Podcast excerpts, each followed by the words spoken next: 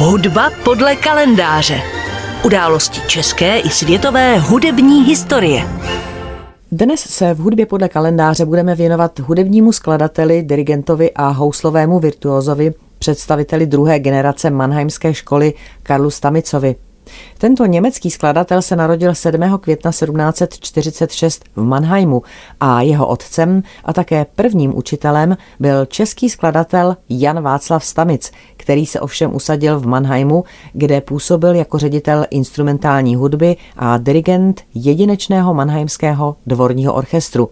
A tak je dnes Karel, či tedy spíše Karl Stamic, považován za Němce. Když Karlův otec zemřel, bylo chlapci 11 let a o jeho jedinečné muzikální nadání pak pečovali druhové jeho otce, především František Xaver Richter, Ignác Holzbauer a pozdější nástupce Jana Václava Stamice Christian Kanabich. Dochované záznamy z období 1762 až 70 dokládají, že Karl Stamic v této době působil v dvorním orchestru jako druhý houslista – byl tedy v postavení, kterému umožňovalo propracovat brilantní techniku ve hře na housle i dobře zvládnout tehdejší mannheimský repertoár. Mannheim Stamic opustil v roce 1770, vydal se do Paříže a zde byl následující rok jmenován dvorním skladatelem vévody Luise Nojalského. Krom toho zde s bratrem Antonínem, nebo chcete-li Antonem, pravidelně vystupoval na tzv. koncert Spirituals, na nichž představovali jak díla svá, tak i jiných autorů. V létě roku 1772 Stamic žil ve Versailles a skomponoval první z několika svých programních symfonií. Poté její dráha houslového virtuóza zavedla do Vídně, do Frankfurtu, do Augsburgu i Štrasburgu. Pak se v roce 1775 jeho stopa ztrácí a další zmínky o něm se objevují až roku 1777, respektive 79, kdy nacházíme jeho stopu nejprve v Paříži a poté v Londýně. Tady zveřejnil mnoho svých kompozic, zvláště komorní díla, a stále se ještě tituloval jménem skladatel vévody Noalského.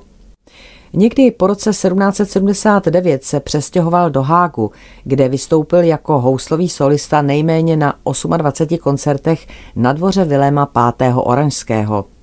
Na jednom z koncertů 23. listopadu 1783 vystoupil spolu s 12-letým Beethovenem, který hrál na klavír. Jen pro zajímavost, Beethoven tehdy dostal za vystoupení mnohem víc než Karl Stamic. Přibližně v dubnu 1785 přijel Karel Stamic do Hamburku, kde uspořádal dvě akademie. V srpnu koncertoval v Líbeku, poté se vrátil zpět do Hamburku a po dalších dvou vystoupeních odcestoval v dubnu 1786 do Lipska a Berlína. V berlínském domu dirigoval 19. května 1786 Hendlova Mesiáše. Údajně v této době ujednal smlouvu s pruským králem, ve které stálo, že Stamic dostane zaplaceno za každou skladbu, kterou skomponuje pro berlínský dvůr. Tato smlouva se ovšem nikdy nenašla a předpokládá se, že byla buď zničena nebo se ztratila a neexistuje ani nezvratné svědectví, které by doložilo další domněnku o tom, že Stamic byl v roce 1787 kapelníkem u prince z Hohenlohe Schellingfürstu, ačkoliv taková zmínka byla objevena na vytištěné koncertní pozvánce z roku 1792 i na jeho úmrtním oznámení. Jisté je, že v roce 1787 Stamic opět hodně cestoval. Jako houslista koncertoval v Drážďanech, v Praze, Halu a 3. listopadu 1787 odjel do Norimberku, kde pořádal koncert při příležitosti výstupu Blanchárova balónu. V dalších letech dokládají koncertní kritiky jeho vystoupení v Kaslu, kde se v roce 1789 stal ředitelem Lieberhaberských koncertů a toto postavení si udržel až do srpna roku 1790. Někdy před rokem 1790 se Karel Stamic oženil s Marií Josefou Pilcovou a usadili se v Grajcu, dnešním Durinsku, kde se jim v červenci 1790 narodil jejich první syn a v červenci o dva roky později dcera. Po narození dcery ovšem Maria onemocněla, což zabránilo Stamicovi v jeho dalších cestách. Proto se pokusil získat stále místo u dvora Friedricha France I., vévody z Mecklenburg-Schwerinu, ale bohužel neúspěšně. Nicméně si dál vydělával zasíláním svých kompozic princi Oranžskému, dvoru ve Šverinu a také dvoru v Ettingu Wallensteinu. 12. listopadu 1792 se mu podařilo uspořádat dva koncerty ve Weimarském Hofteátru a další 19. března 1793 v Lipsku. Počátkem roku 1795 se vrátil zpátky do Mannheimu a o pár měsíců později se přesunul i s rodinou do Jeny, aby se mohl stát kapelníkem a učitelem na tamnější univerzitě. Ovšem ani zdejší plat nestačil na to, aby uživil rodinu. Poslední léta svého života Stamic tedy prožil v Jeně, zároveň velmi cestoval, příležitostně žádal o místo a posílal své skladby do ciziny v naději, že získá výhodnou nabídku. Plánoval dokonce koncertní turné do Petrohradu, ale dopis, který schválil tuto cestu, přišel až po jeho smrti. V Jeně se Stamicovým narodili další dva synové, ale stejně jako jejich ostatní děti zemřeli v raném dětství. Jeho žena Mária Josefa zemřela 17. ledna 1801. Sám Karl Filip Stamic zemřel v Jeně ještě téhož roku 9. listopadu 1801.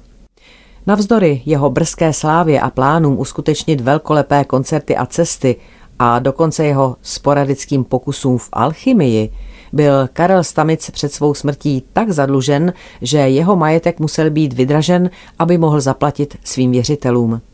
Jeho seznam děl byl vytištěn zvlášť pro samostatnou aukci v roce 1810, ale samotná sbírka se již dávno ztratila. Stamic vynikl jako znamenitý instrumentalista, především houslista a hráč na violu d'amore, ovšem ovládal i řadu jiných nástrojů. Jeho tvorba je nesmírně obsáhlá, dotýká se všech druhů kompozice. Hlavní těžiště jeho tvorby je v symfonii a koncertních skladbách. Jeho 31 a dost možná i více symfonií, 28 koncertantních symfonií a více než 60 koncertů z něj dělají nejplodnějšího mannheimského skladatele. Stamic napsal spoustu koncertů pro poměrně široké spektrum solových nástrojů, houslové, klarinetové, flétnové, také pro fagot, basetový roh i lesní roh. Mnohá z těchto děl se ovšem nedochovala. Mezi nejznámější orchestrální díla Karla Stamice dnes patří klarinetové koncerty, komponované přibližně v období let 1770 až 90. Ostatně Mannheimský dvorní orchestr, jehož Stamic byl jednu dobu členem, patřil mezi první v Evropě, kdo obsadil mezi ostatní nástroje v orchestru právě také klarinety. Nicméně Stamicovi první zkušenosti s klarinetem jsou spojeny s přátelstvím se skvělým českým klarinetovým virtuózem Johannem Josefem Bérem, který pocházel z Litoměřic a kterého Stamic potkal v Paříži. Jejich profesionální styky, jež se v mnohem podobají stykům Mozarta a Stadlera, vyústily nejen v počtu společných vystoupení v koncert Spirituals, ale rovněž v řadu koncertů a komorních děl, které Stamic pro Béra komponoval. Mimochodem Bérovo vystoupení 24. prosince 1771, na kterém přednesl jeden ze stamicových koncertů, je vůbec prvním zaznamenaným představením klarinetového koncertu v Paříži.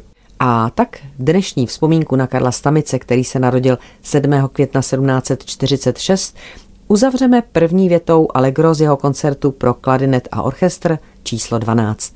Na klarinet hraje Emil Drápela, komorní orchestr Tesaríny Rádio Brno řídí Mirko Krebs. Hudba podle kalendáře.